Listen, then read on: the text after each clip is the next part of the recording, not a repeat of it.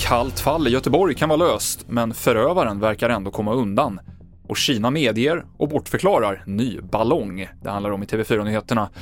Vi börjar med de kraftfulla jordskalven som skakat sydöstra Turkiet och norra Syrien. Hittills har över 2300 människor hittats döda när räddningsarbetare gräver igenom rasmassorna.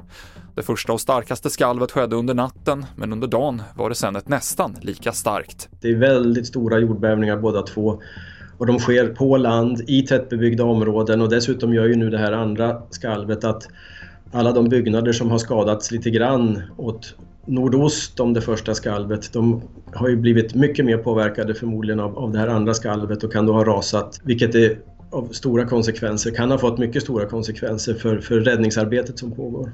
Det sa seismologen Björn Lund och nu klockan 17 ska svenska regeringen presentera stöd till Turkiet och Syrien. Vi sänder direkt på tv4.se. Ett av Göteborgs mest kända olösta fall, mordet på Marie Johansson i en tygbutik 2005, kan nu vara uppklarat. Efter att hundratals misstänkta kvinnor topsats har man hittat en misstänkt vars DNA-profil stämmer.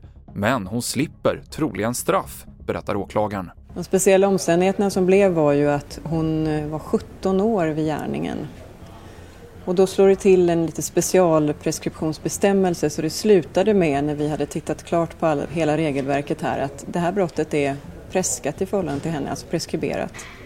Det finns en liten specialregel för unga människor som säger att det är bara 15 års preskription på det här mordet. Och vi har ju nu passerat 18 år så det är preskriberat. Hur känner du inför det faktumet? Man kan säga att luften gick lite ur hela vår utredningsgrupp då. Eh, men, och det är inte mycket vi kan göra åt det. Vi ska samla oss lite grann de kommande dagarna och ta ställning till om det går att gå vidare eller hur vi går vidare. Eller om vi helt enkelt bara ska stänga ärendet. Vi har lite att fundera över. Åklagare Ulrika Åberg. Och Kina medger att en ballong som synts över Latinamerika är kinesisk, men hävdar att den är civil och används för tester.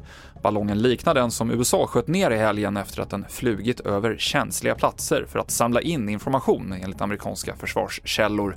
Kina har erkänt att även den ballongen var deras, men menar att den samlade in väderdata och att vinden fått ballongen att driva ur kurs.